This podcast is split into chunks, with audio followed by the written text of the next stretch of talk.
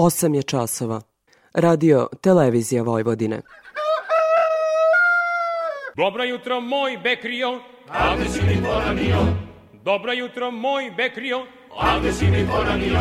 Ta kako ne bi poranio kad upravo počinje emisija Radio Novog Sada. Poljoprivredno dobro. Radio magazin za poljoprivredu i selo. Pred mikrofonom je Stevan Davidović.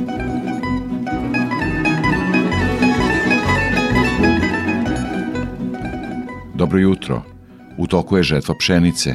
Protekle sedmice održan je tradicionalni žetveni dan na parcelama zadruge Graničara u Moroviću, koji tradicionalno organizuje Zadružni savez Vojvodine. Kada je reč o prinosu, uprkos primenjenim agrotehničkim merama, vremenski uslovi bili su presudni za rod, tvrdi savjetnik zadruge u Kuzminu Dušan Tadić. Pa sve mislim da će i dobaciti do 5 tona, možda će i nešto i prebaciti, ali to za sremske uslove nije ovaj dovoljno. Mi smo navikli na prosječne prinose i preko 6, a nekada i preko 7 tona. Šta je razlog tome? Ima li tome i agrotehnike ili isključivo sve do klimatskih uslova? E, mislim da su klimatski ove godine klimatski uslovi bili opredeljujući.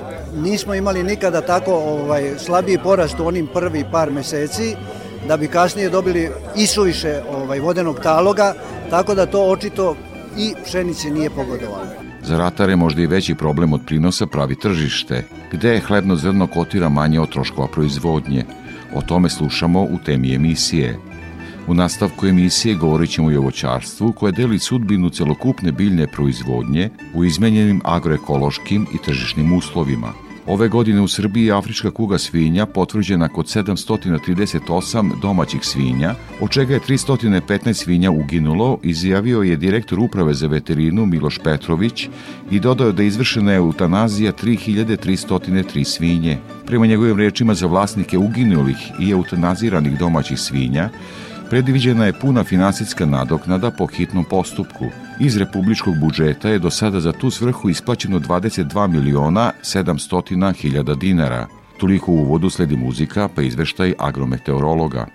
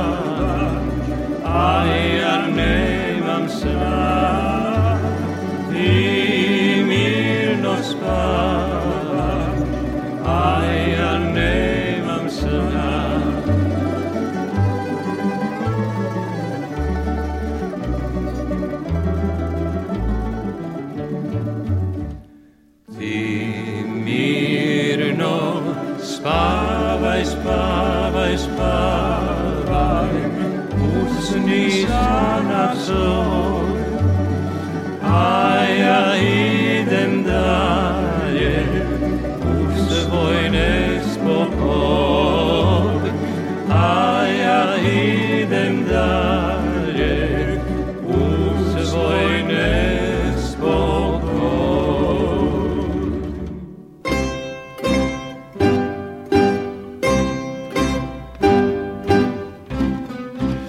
što smo najavili u uvodu u prvim minutima poljoprivrednog dobra, sled izveštaja agrometeorologa iz Hidrometeorološkog zavoda Srbije Srđana Milakare. Prva sedmica jula obeležena je promenljivim vremenom sa povremenom pojavom pljuskovitih padavina. Jutarnje minimalne temperature bile su u intervalu od 13 do 22, a maksimalne dnevne od 25 do 34 stepena. Toplotni uslovi su bili uglavnom povoljni za intenzivni vegetativni porast jarih useva kao i za zrenje voća i povrća. Tokom protekle sedmice na mnogim parcelama počela je žeta pšenice. Proteklih dana bila je povremenih uglavnom pljuskovitih padavina sa neujednačenim dospelim količinama. Najviše kiše bilo je na zapadu i centralnim delovima zemlje od 10 do 35 mm, a najmanje u severnim područjima do 10 mm. Zalihe vlage u površinskom i drugim slojima zemljišta ima dovoljno za predstojeće generativne faze razvoja kukuruza, suncokreta, soje, šećene, repe i drugih jarih useva. Toplo vreme povoljno utiče na aktivnost insekata, a pregledom poljoprivrednih useva i zasada uočeno je prisustvo svih razvojnih stadijuma brown mramoraste stenice i na voćarskim i neratarskim kulturama. U toku je piljenje larvi letnje generacije ove štetočine. Štete pričinjavaju odrasle jedinke i larve koje sisaju sokove iz svih nadzemnih delova biljaka. U usevima paprike, paradajza, kukuruza, šećerca beleže se ulovi odraslih jedinki kukuruzne sovice. U pogledu voćarske kulture i dalje je u toku intenzivno piljenje larvi prve generacije jabukinog i druge generacije breskinog i šljivinog smotavca. Što se prognoze tiče, narednih dana nas očekuje pretežno sunčano i toplije vreme, naročito tokom sledeće sedmice kada će maksimalna temperatura vazduha biti od 32 do 37 stepeni. Samo se u Vojvodini i sredinom naredne sedmice uz lokalni razvoj i oblačnosti očekuju kratko treni pljuskovi sa grljovinom. Za radio Novi Sad, Srđan Milakara, Hidrometeorološki zavod Srbije.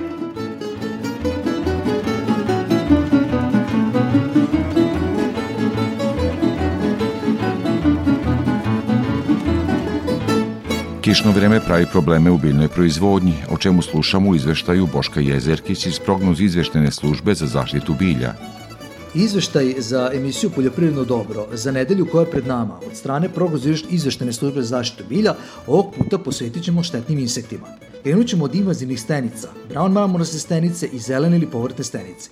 Pregledno poljoprivrednih usevi i zasada uočene prisutuje svih razmjernih stadijuma ovih stenica – Trenutno se njihova prisustvo registruje velikom broju biljnih vrsta, a najveći rizik od nastanka šteta postoji u zasadima leske, šljive, kasnosasti sorti bresaka, nektarina i kajsija, kao i usima paradajza i kukuruza šećerca. U toku je pijenje larvi ovih štetočina. U zavisnosti od do sada primenjenih insekticidnih tretmana usmerenih na suzbijanje različitih štetočina, u usevima i zasadima se nivo prisustva stenice veoma razlikuje. Proizvođačima se preporučuje obavezan pregled useva i zasada na njihovo prisustvo i po potvrdi njihovog prisustva gde je moguće primjena nekog od registrovanih insekticida iz grupe peritoida vodeći računa o koherenciji preparata. Vizualnim pregledima useva registruje se pristup položenih jaka kukuruzne sovice, Helicoverpa armigira. Ovo je migratorna štetna vrsta, u naše krajeve leptiri doleću toplotnim talasima s područja Mediterana. U zavisnosti od lokaliteta i useva razlikuju se i procenat biljaka s položenim jajnim jajima koji se na pojedinim parcelama kreći do 70%. Štete pričinjavaju larve koje se hrane lišćem i generativnim organima, a najveće štete pričinjavaju bušivanjem u plodove koji bivaju zaprnjeni izmetom, gube tržišnu vrednost i podloži su napadu raznih vrsta truleži. U ovom momentu najugroženi su usevi paprike, paradajza, kukuruza, šećerce i boranije. Proizvođačima se preporučuje pregled ugroženih useva na jaja kukuruzne sovice i ukoliko se registruje prisutu jaja primjera hemijskih mera zaštite. U nedelji pred nama predstoji povećanje brojnosti kropirovog moljca usled priklapanja druge i treće generacije ove štetočine. Krompirov moljac je veoma značajan na štetočnim južnim krajima naše zemlje, ali u Vojvodini iz godine u godinu postaje sve veći problem. Pošto ulazimo u rizičan period za zaštitu krompira od, krompirovog moljca, kada cima počinje da menja boju, a registrujemo visoke brojnosti krompirovog moljca na feromonskim klopkama, pored agrotehničkih mera zaštite treba sprovesti hemijske mere. Proizvođačima koji već sad vade krompir preporučuje se da se vađenje izvrši u sto kraćem roku, da se ne ostavljaju uh, krtole na, na parcelama, nego da se odmah unose u skladište, da se u skladištima tamo gde je to moguće kontroliše temperatura ispod 10 stepeni i da se obavezno na sve otvore skladišta postavaju instekatske mreže kako bi se sprečio ulazak moćca u skladište. U usevima koji se neće vaditi u skorije vreme preporučuje se održavanje kompatnosti zemljišta navodnjavanjem kako bi se sprečilo stvaranje pukotine i prodor žerki moćca do krtola krompira, kao i primjena insekticida. S obzirom da se u vinogradima registruje dominantno prisustvo larvi trećeg stupnja razvoja Cicades Foideus titanus, koje su sposobne da prenesu fitoplazmu fulestins dure prouzrokovača zlatog žutila vinove loze, preporučuje se drugi tretman sa ciljem jednog suzbijanja.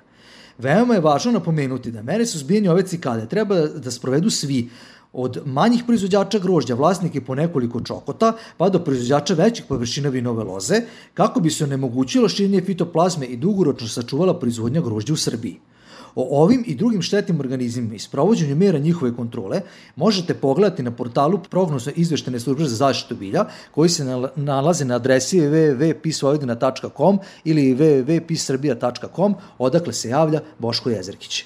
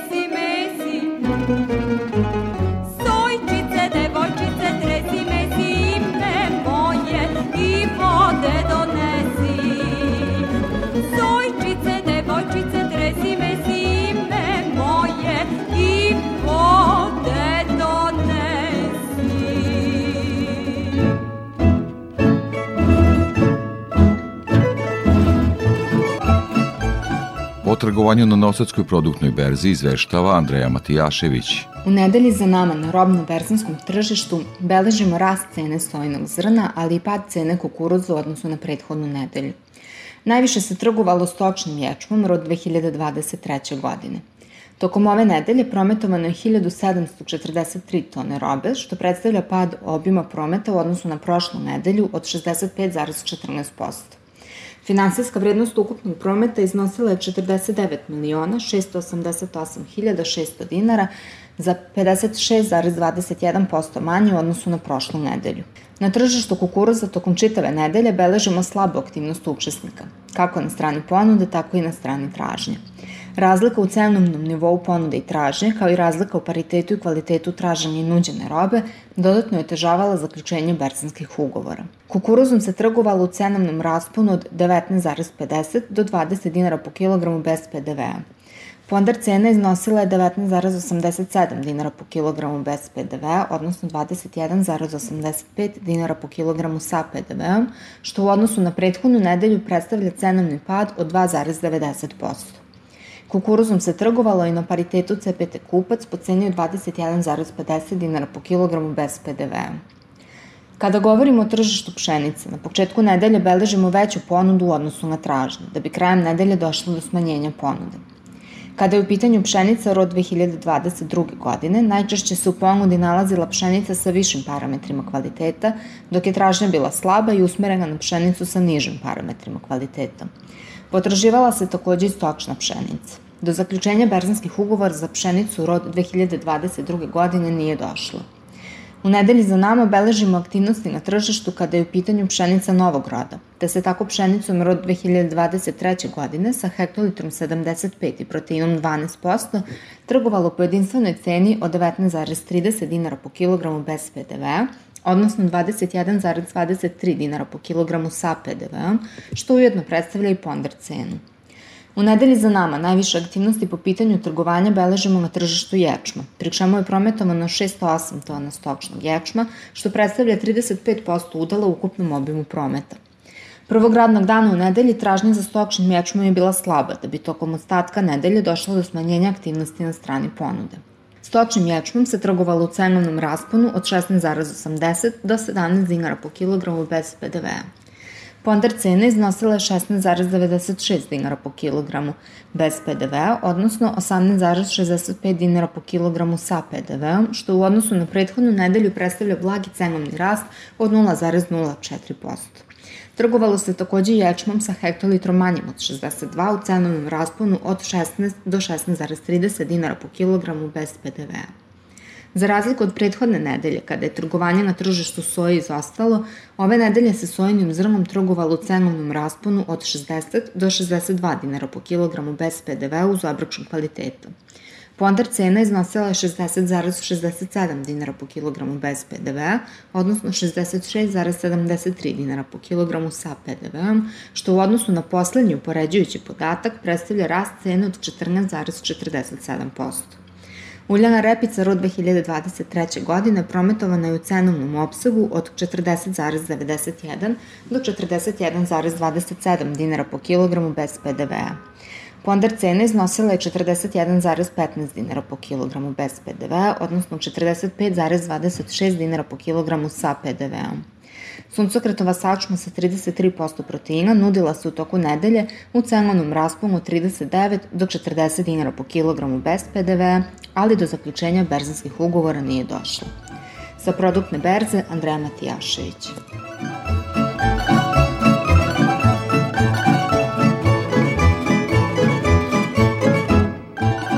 Kao i svake nedelje pratimo izveštaje o cenama sa tržišta žive stoke. Iz Infotim Logistike izveštava Gordana Jeličić. Tokom nedelje naši saradnici su tovne svinje sa farme oglašavali po ceni od 245 do 255 dinara po kilogramu, tovljenike sa mini farme po ceni od 245 do 250 dinara po kilogramu, a tovljenike iz otkupa po ceni od 230 do 240 dinara po kilogramu.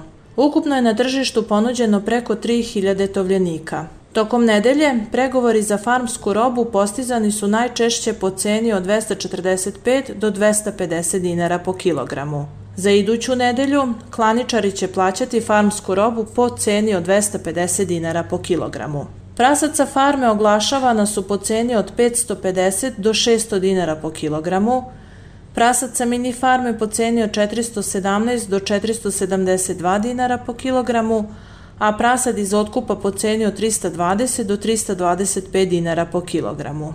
U ponudi smo imali oko 1000 i po prasadi. Nazimice za priplod F1 bile su ponuđene po ceni od 50.000 dinara po komadu, Krmače za klanje su ponuđene po ceni od 205 dinara po kilogramu. Pojedine klanice su krmače za klanje plaćali 180 dinara po kilogramu. Jagnjac su ponuđena po ceni od 320 do 370 dinara po kilogramu, ovce za klanje su ponuđene po ceni od 185 dinara po kilogramu. Za iduću nedelju klaničari će plaćati jagnjat 350 dinara po kilogramu. Bikovi Race Holstein oglašeni su po ceni od 294 do 310 dinara po kilogramu, a bikova simentalaca po ceni od 316 do 337 dinara po kilogramu. Tokom nedelje, dogovori za bikove simentalci su bili po ceni od 3 evra po kilogramu sa uračunatim PDV-om. Kad je živina u pitanju, jednodnevni pilići teške linije ponuđeni su u rasponu cena od 44 do 63 dinara po komadu. Cene su izražene bez PDV-a. Za Radio Novi Sad, Gordana Jeličić iz Infotim Logistike.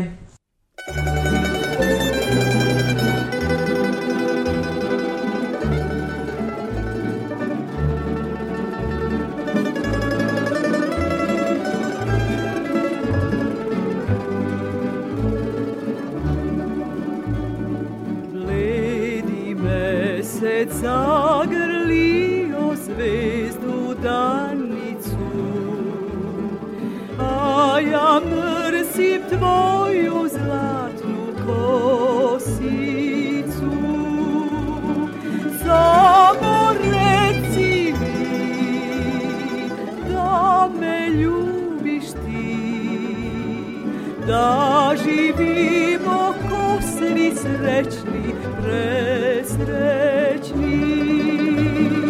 Samo reci mi da me ljubiš ti Da živimo ko svi srećni, presrećni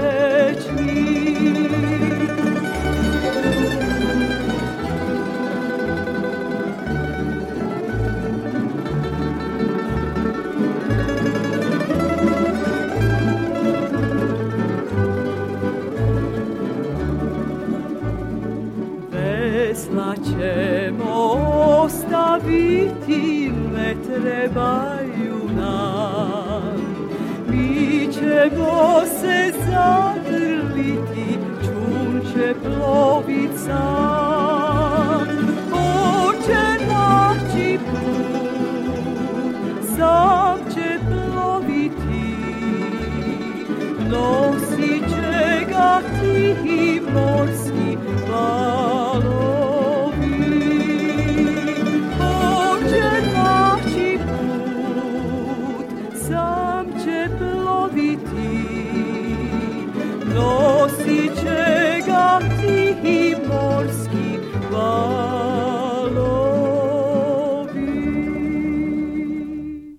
Poljoprivredno dobro. Radio Novi Sad. Tema emisije.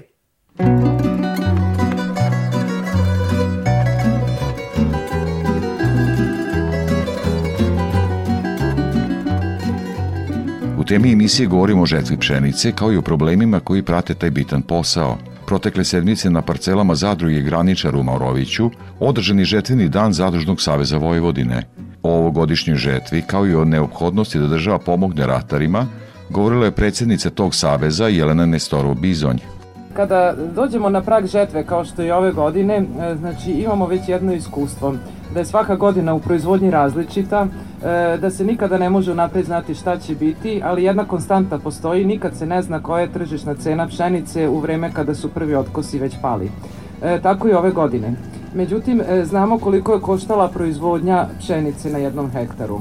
E, svake godine Zadružni savez tradicionalno napravio ovu kalkulaciju sa ciljem, znači upoznavanja javnosti koliko e, košta proizvodnja hlebnog žita i koja je to cena sa kojom bi proizvođač mogao da pokrije troškove proizvodnje kada bi je prodao u momentu posle žetve. Naime, u 2023. proizvodne godini e, cena e, koštanja proizvodnje pšenice na jednom hektaru iznosila 166.498 dinara i uz projektovani prosečni prinos e, na parcelama od 5000 kg po hektaru proizvodna cena iznosi 33,3 dinara po kilogramu.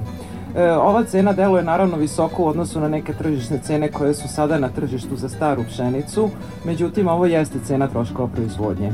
E, prošle godine je situacija bila slična kao i ove što se tiče visine troškova proizvodnje, s tim da je struktura bila nešto drugačija, međutim ono što je bilo različito e, jeste cena stare pšenice. Naime, svesni smo da je ona sada daleko ispod onog nivoa koja je bila e, 2022. godine. Uz to imamo visoke prelazne zalihe pšenice i imamo e, rekordne površine zasejane pšenicom trenutno na vojvođanskim njivama, e, tako da ćemo imati i e, više proizvoda, čak što više možemo slobodno reći da će postojati nakon žetve jedna zasićenost tržišta pšenicom. U takvim uslovima e, teško je očekivati da će se formirati tržišna cena koja pokriva troškove proizvodnje, znači koja bi bila na nivou od ovih 33,3 dinara ili više, i u tom kontekstu e, pozivam sve državne organe da učine maksimalne napore da zaštite proizvođače pšenice, da zaštite njihove zadruge koji su njihovi organizatori proizvodnje i same zadruge kao proizvođače i da na svaki način se obezbedi da proizvođači ne ostvare gubitak prodajom svojih proizvoda po cenama ispod troškova proizvodnje.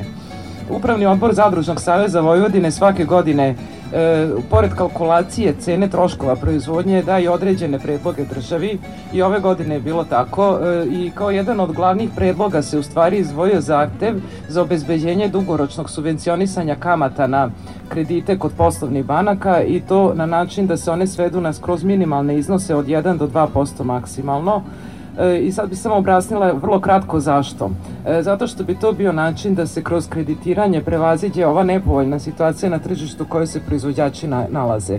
Naime, troškove proizvodnje e, treba pokriti. Sama žetva je takođe trošak i svi naredni radovi u poljoprivredi, a prodati robu po ovim cenama i iz toga isfinansirati ove troškove je apsolutno ekonomski neracionalno u ovom momentu.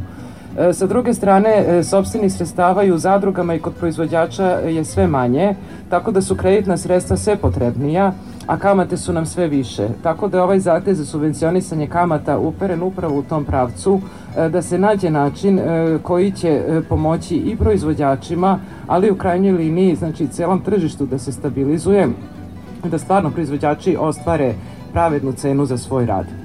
E, pored ovih zahteva, obratili smo pažnju na rad e, Republičke direkcije za robne rezerve, e, za koji ne možemo da kažemo da je bio dobar u prethodnim godinama. Znači sad da se osvrnemo i na jedan duži period.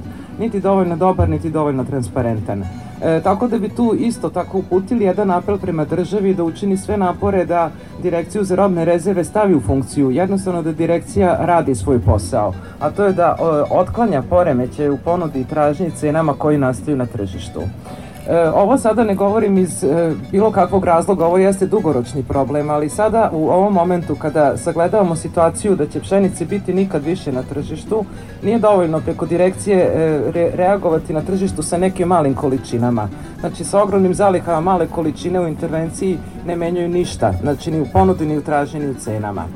E, takođe smo ponovili jedan od e, zahteva koji smo evo i u vreme prolećne setve takođe dostavili državi, a to je da se e, sve površine koje obrađuju zadruge i zadrugari, odnosno svi proizvodi sa tih površina, subvencionišu, odnosno da se ne ograničava, znači dalje subvencionisanje na 20 hektara kako je to bilo do sada.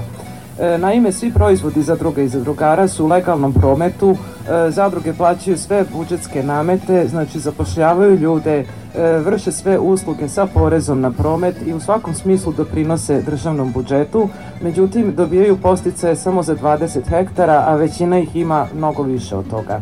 E, što više toga, e, što više hektara zadruge obrađuju, isto tako i njihovi zadrugari, oni više doprinose budžetu, a manje dobijaju, tako da je srazmeran udeo postice u njihovoj proizvodnji sve manji. Sa druge strane, osnovac proizvođačima u zadrugama je potrebno da bude sve veći, posebno u aktuelnim uslovima proizvodnje. E, U skladu sa navedenim, znači ovi zahtevi smatramo da bi na neki način e, napravili ravnotežu na tržištu koja trenutno e, ne postoji i za koju se bojimo da će tek da eskalira, znači nakon što se žetva završi. E, posebno bih ovde obratila pažnju znači, na e, aspekt investicija u zadrugarstvu. Naime, evo, e, bili smo u petak u zemljoradničkoj zadruzi Zrenjanin gde je otvoreno jedno podno skladište gde će zadrugari ove zadruge prvi put imati priliku da skladište svoju pšenicu, iako zadruga decenijama postoji. Sa druge strane, evo, kod zadruge kod koje se sada nalazimo smo videli impozantne skladišne kapacitete. E, svi ovi skladišni kapaciteti, bili oni mali ili veliki, e, oni upravo doprinose povećanju vrednosti proizvoda zadrugara. Kroz njih se čuva vrednost proizvoda, e, imajući tu mogućnost da skladište u zadružnim kapacitetima svoju robu, zadrugari mogu prodati pšenicu i kasnije, tako i sve druge robe, kada cena bude na tržištu za njih povoljna i u tom kontekstu pozivam i državu da podrži ove investicije. E, ovde bi se zahvalila Ministarstvu za brigu o selu i ministru Milanu Krkobabiću koji je prvi prepoznao koliki je značaj investiranja u zadrugama i kroz čiji program ovaj, od 500 zadruga u 500 sela se kroz bespovratnu podršku investicionim projektima zadruga realizovalo e, mnogo, mnogo investicija koje danas e, predstavljaju za zadrugare u zadrugama mnogo bolji oslonac u njihovoj proizvodnji i prometu nego što su ga imali pre, da kažem, pet godina. U tom kontekstu, e, znači moram reći da se iz agrarnog budžeta kako pokrajinskog, tako i republičkog takođe mogu obezbediti sredstva za određene investicione projekte zadruga, pri čemu ovde pozivam znači Ministarstvo poljoprivrede i pokrajinski sekretarijat e, da učine napore da se u zadruge investira više nego do sada i da se jedno ograničenje koje smo do sada imali, a koje se odnosi na broj hektara do kojih e, se može aplicirati za bilo kakve posticaje, za bilo kakve investicije, e, mislim i na ograničenje kod broja stoka i sva druga ograničenja za zadruge ukinu, jer to su organizacije malih proizvođača, to trebate imati u vidu da su investicije koje postoje u zadrugama zajedničke investicije proizvođača sa malim posedima. E, proizvođačima je poželjala da ove godine e, imaju uspešnu žetvu, da ih vreme posluži, nadamo se da će kiše biti što manje, a državi bi i javnosti takođe još jednom poručila da učini sve, znači da žetva pšenice ne bude kod proizvođača razlog za brigu, već da bude razlog za slavlje. O žetvi sam razgovarao sa savjetnikom Kuzminske zadruge i predsjednikom Skupštine Zadružnog saveza Vojvodine, Dušanom Tadićem. Je li počela žetva? Šta se događa? Žetva je počela maltene punom parom, skidaju se, ovaj, zavise od eh, epohe sazrevanja, ranije sorte, Međutim, možem da kažem, ja po mojim nekom iskustvenom mislim da ćemo biti nešto lošiji rezultati ove godine u odnosu, posebno u odnosu na prethodnu godinu, a u odnosu i na prosek petogodišnji i desetogodišnji prosek biće lošija godina. Šta je to u matematici? Negde što se govori prosječan rod oko 5 tona, hoćete dobaciti dotle ili ćete i prebaciti? Pa Srem mislim da će i dobaciti do 5 tona, možda će i nešto i prebaciti, ali to za sremske uslove nije ovaj dovoljno. Mi smo navikli na prosječne prinose i preko 6, a nekada i preko 7 tona. Šta je razlog tome? Ima li tome i agrotehnike ili isključivo sve do klimatskih uslova? E, mislim da su klimatski ove godine klimatski uslovi bili opredeljujući. Nismo imali nikada tako ovaj slabiji porast u onim prvi par meseci da bi kasnije dobili isuviše ovaj vodenog taloga, tako da to očito i pšenici nije pogodovalo. Pšenica donosi prvi novac poljoprivrednicima, pa i zadrugama i tako dalje. Međutim, lane u vreme setve, visoki troškovi, sada se govori o relativno niskoj ceni. Kako će proći proizvođač? To je sada ironija. Ona će sada doneti prvi put i ubedljiv gubitak gotovo za sve proizvođače. Ubedljiv gubitak. Mislim da u zadnjih 20 godina nismo imali ovako cenovne razlike u odnosu na inpute i na finalni proizvod. To sada više ni kozmetički ne možemo da ispeglamo, ni vrhunski prinosi ne bi mogli da pokriju ovako velike razlike. Ali, nažalost, znači ni njih nećemo imati, tako da uglavnom ćemo svi beležiti gubitke. Koja bi neka minimalna cena na tržištu bila da se pokriju e, gubici, odnosno da se pokriju troškovi i da se zaradi nešto? ispod 32 dinara iluzorno je razgovarati, a mislim da bi pokrili troškove na ove niske prinose trebalo bi biti nešto jača cena, međutim globalno tržište i lokalno tržište takođe utiču tako da mi ne verujemo da ćemo i dobaciti ni do te cene. Dušane, pšenice je samo deo priče, tu su i jari, jari usevi, šta je se kukuruzom, šećernom repom, šta se tu događa, kada je reč o agronomiji? Pa što se toga tiče, to je još rano reći, današnje, u današnje vreme nešto se poboljšava stanje u tim kulturama, ako bi se nastavilo sa ovakvim, ovakvim kako bi ja rekao, paurskim načinom, šarenim vremenom, mislim da bi sve ono što je bilo u proletosu u kašnjenju, da bi se to biološki nadoknadilo i da tu možda i možemo očekivati ovaj solidno prinose, međutim za okopavine u ovom momentu rano govoriti uopšte na jedan ozbiljan i odgovorni način koji nas prinosi mogu očekivati. Duše, Dušane, sa kakvom zemljištem, sa kakvim humusom čekamo ove klimatske promene? Očigledno, vode ima koliko i ranije, samo je loše raspoređeno. Može li naša zemlja da izdrži i da donese prinose na kakve smo naučili? Ovo ni jedna zemlja ne može da uči, ovaj, izdrži, e, tako da klimatske promene drastično ovaj, utiču na razvoj biljaka, na biologiju biljaka, bolesti se tu nove javljaju, tako da oplodnja je vrlo problematična. Sve to kad se sabere, bez obzira čak i na zemljištu prve klase, imaćemo vrlo velike podbačaje. Šta je budućnost, šta planiraju zadruge, evo za kraj razgovora, šta su planovi, o čemu se razgovara u atarima da se pobedi ovo zaista, eh, ovi zaista surovi vremenski uslovi? Pa nauka ovde mora da dođe više do izražaja. Mi praktičari na terenu možemo da učinimo samo jedan segment. Nauka mora dati tu egzaktan i do kraja mnogo kvalitetniji odgovor. Očito da ćemo se morati svi prestrojavati i to puno brže. Morat ćemo menjati kulture, morat ćemo da radimo na problematici pre svega inoviranja zaštite i to može dati ograničene neke bolje rezultate, ali definitivno sa ovom klimom se nećemo moći izboriti. Dušan Tadić, zadruga u Kuzminu, veliko hvala za ovaj razgovor i učešću u programu Radio Novog Sada. Hvala vama i vašim slušalcima. Za kraj teme izdvajamo deo obraćanja za drugarima državne sekretarke u resornom ministarstvu Ivane Popović. Mi ispred Ministarstva poljoprivrede e, smo u konstantnom kontaktu sa Jelenom i e, zaista bi se tu i zahvalila što sam imala prilike da prisustvujem i sastanku upravnog odbora koji je bio relativno skoro i što smo e, negde upoznati sa problemima koje zadrugari imaju u ovom trenutku, a tiču se upravo e, i cene, e, stanja na tržištu i svega ostalog. E, svi smo svedoci da je 2022. godina e, bila veoma povoljna kada je cena pšenice u pitanju. naravno, znamo i da je negde geopolitička situacija potpuno promenila tržište. Ono što je važno meni da predstavim našim poljoprivrednicima jeste da država prosto nema čarobni štapić i nije neko ko utiče na apsolutno svaki segment. pšenica je berzanska roba, pšenica zavisi apsolutno i cena njena od čitave geopolitičke situacije, tako da negde moramo svi da budemo spremni na oscilacije na tom tržištu i poljoprivreda nije nešto što može od godine do godine da se meri i da se zatvori ovaj, jedan ciklus u 365 dana, to je ipak nešto što se planira na duži vremenski period i e, zato prosto hoću da vam kažem da smo mi kao ministarstvo i vlada Republike Srbije apsolutno tu i da razgovaramo sa vama i da uvidimo koji su to problemi i da na racionalan i finansijski odgovoran način vidimo kako i na koji način možemo da pomognemo našim poljoprivrednicima.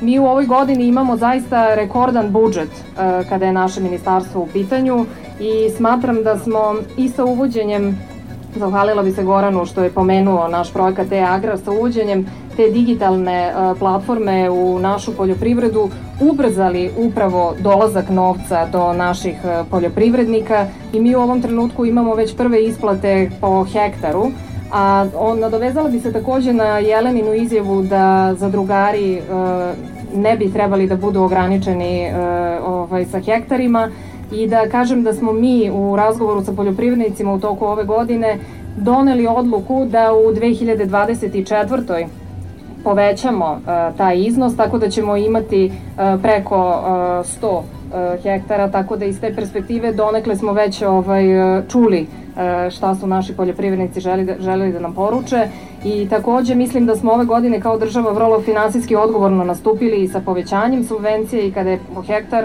u pitanju sa 9000 na 18 i kada je grlo stoke i ne, zaista ovaj, ne sumnjam da ćemo imati prilike da razgovaramo i da vidimo kako na koji način e, našim poljoprivrednicima da pomognemo i kada je cena e, pšenice u pitanju. Ono što svakako u ovom trenutku i do sada jesmo vredno radili na tome da otvorimo nova tržišta, da napravimo jedno e, ekonomski e, stabilno stanje naše zemlje i da budemo negde dobri partneri i e, evropskim državama, ali da otvaramo i nova tržišta za naše poljoprivrednike, tako da se nadam da ćemo u narednom periodu moći da pričamo samo o boljim cenama, a ono što je meni drago jeste da ove godine zaista imamo rekordnu površinu pod pšenicom i to negde govori da, da naši poljoprivrednici mudro planiraju i ne planiraju od godine do godine i ja sam sigurna da će iznaći način da prenebregnu ako ove godine budemo imali malo lošiju cenu. E,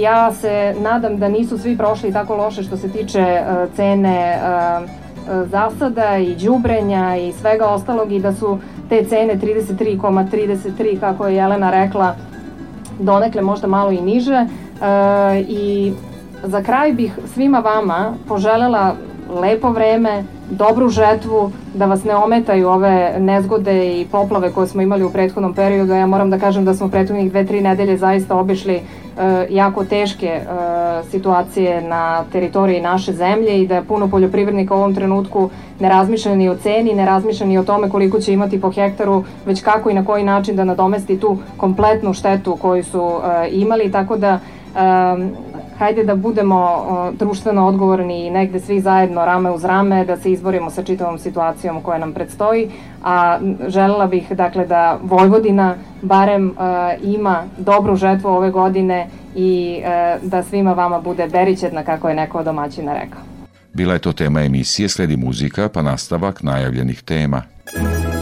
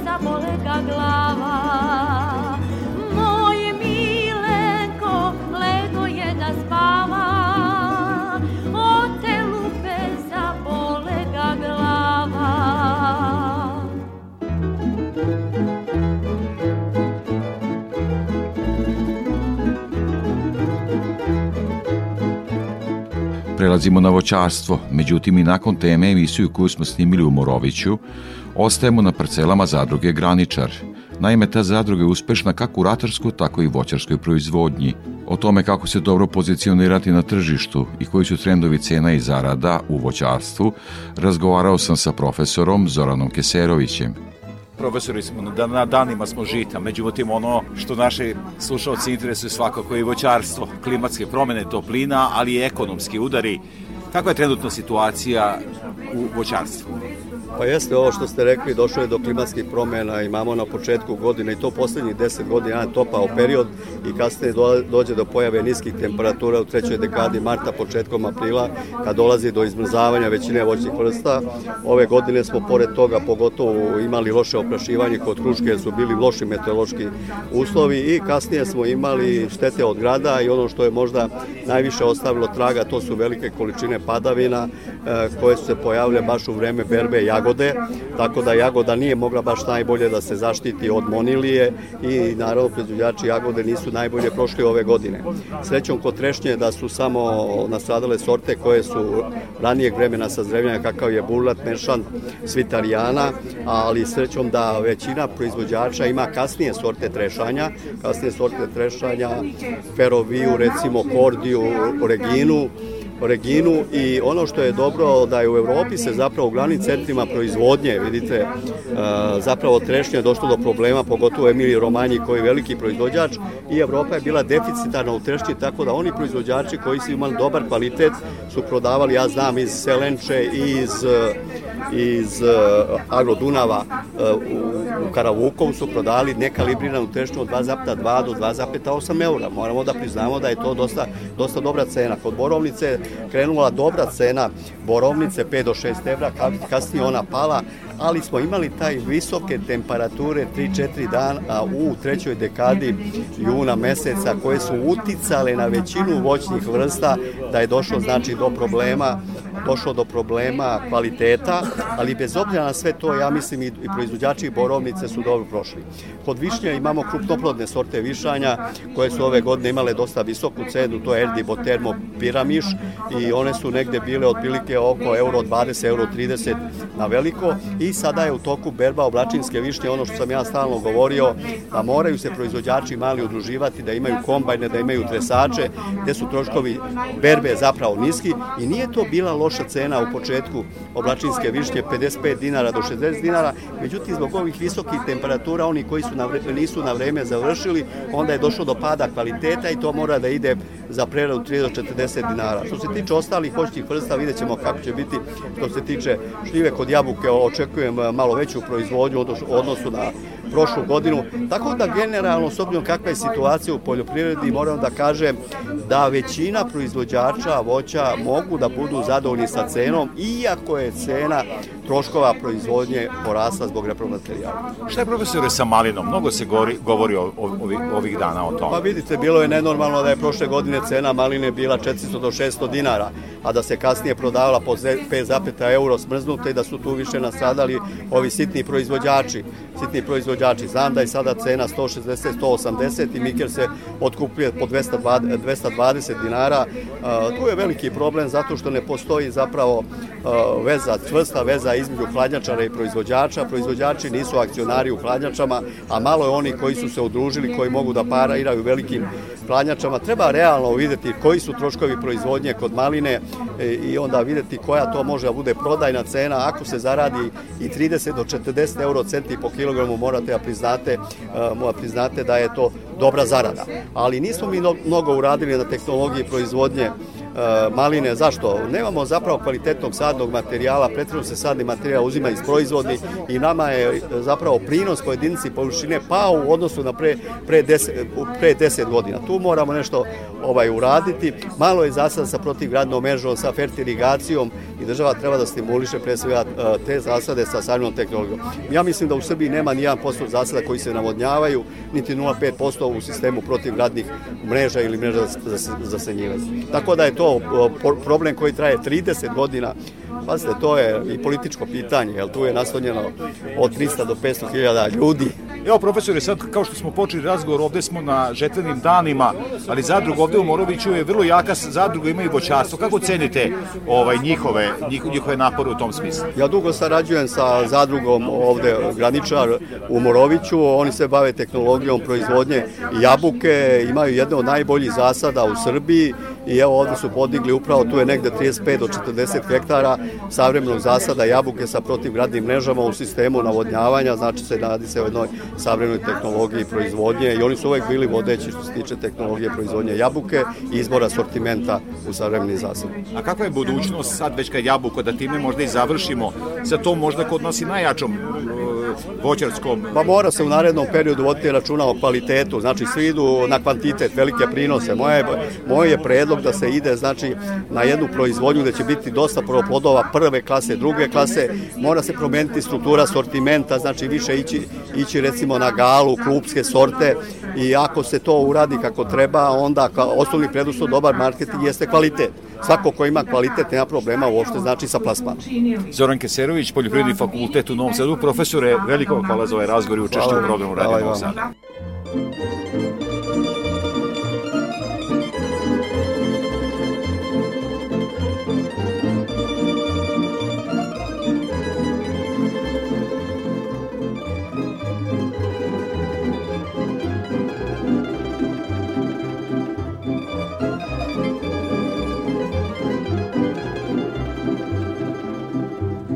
Imam dragu u sokaku mome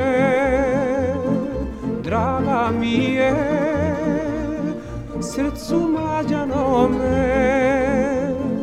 Vole smo se, roditelji znaju Ali nam se uzeti ne daju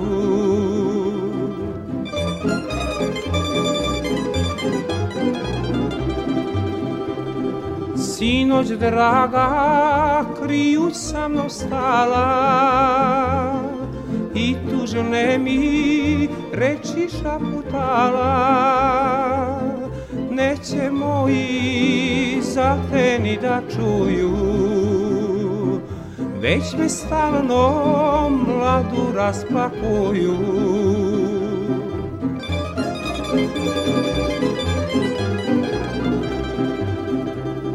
Draga moja, nemoj tugovati, sutra ćemo zoro putovati.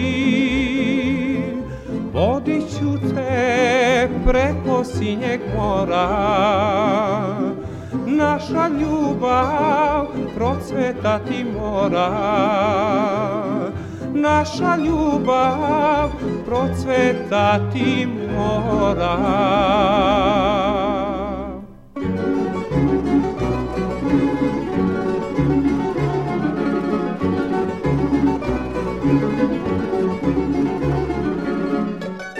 Zbog pojave afričke kuge svinja na području južnog i srednjeg Banata, lokalne samouprave u Severno-Banatskom upravnom okrugu stepen pripravnosti podigle su na najviši nivo, Branislav Ugrinov.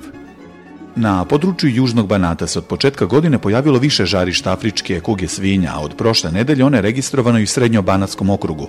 Nadležni već godinama obilaze proizvođači apeluju na njih da podignu stepen bezbednosti i biosigurnosti.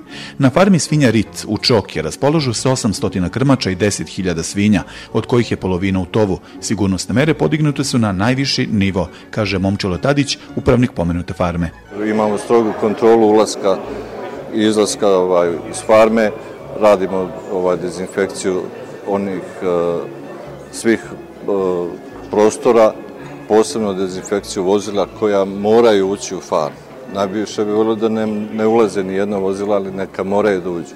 Za ovo oboljenje ne postoji način lečenja i nema mogućnosti vakcinacije. Jedina mera protiv ove bolesti je da se otkriju pozitivni slučajevi i da se radi depopulacija, podsjeća Siniše Filipović sa Instituta za veterinu u Subotici.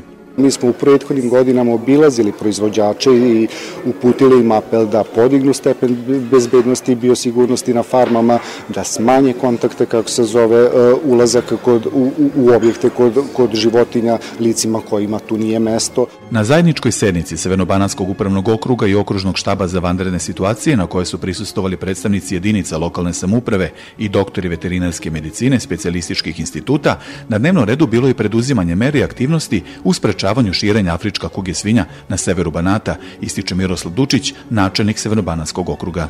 Ovo je e, jedna od e, situacija u kojoj mi možemo da apelujemo što se tiče malih lokalnih domaćinstava i proizvođača e, tovljenika, svinja u bilo kom obliku, da obrate pažnju, struka će ovde dati, e, kažemo, smernice na koji način se može preventivno delovati. Zbog blizine granice sa Mađarskom i Rumunijom pogranična mesta Severobananskog okruga nalaze se u specifičnoj situaciji i u najvišem su stanju pripravnosti kako ne bi došlo do pojave bolesti, a samim tim i depopulacije i onako slabog stočnog fonda. I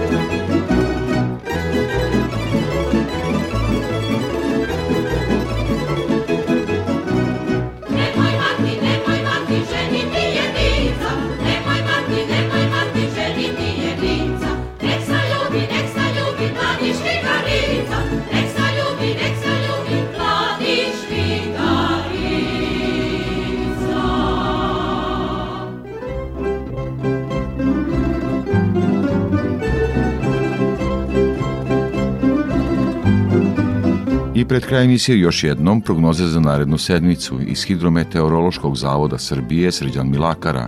Što se prognoze tiče, narednih dana nas očekuje pretežno sunčano i toplije vreme, naročito tokom sledeće sedmice kada će maksimalna temperatura vazduha biti od 32 do 37 stepeni.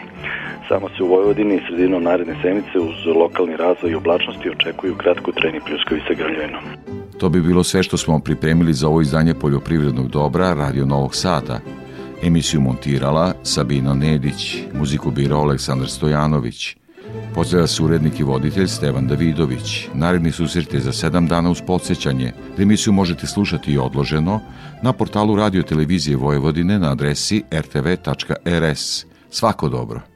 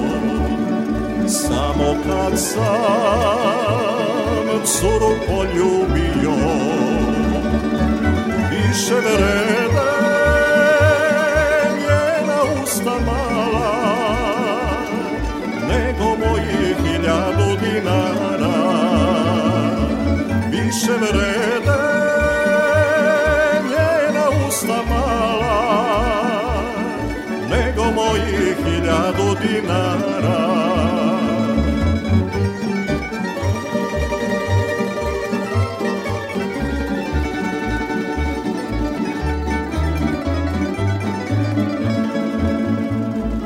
Kuću kola zbog nje sam prodao Lanac i po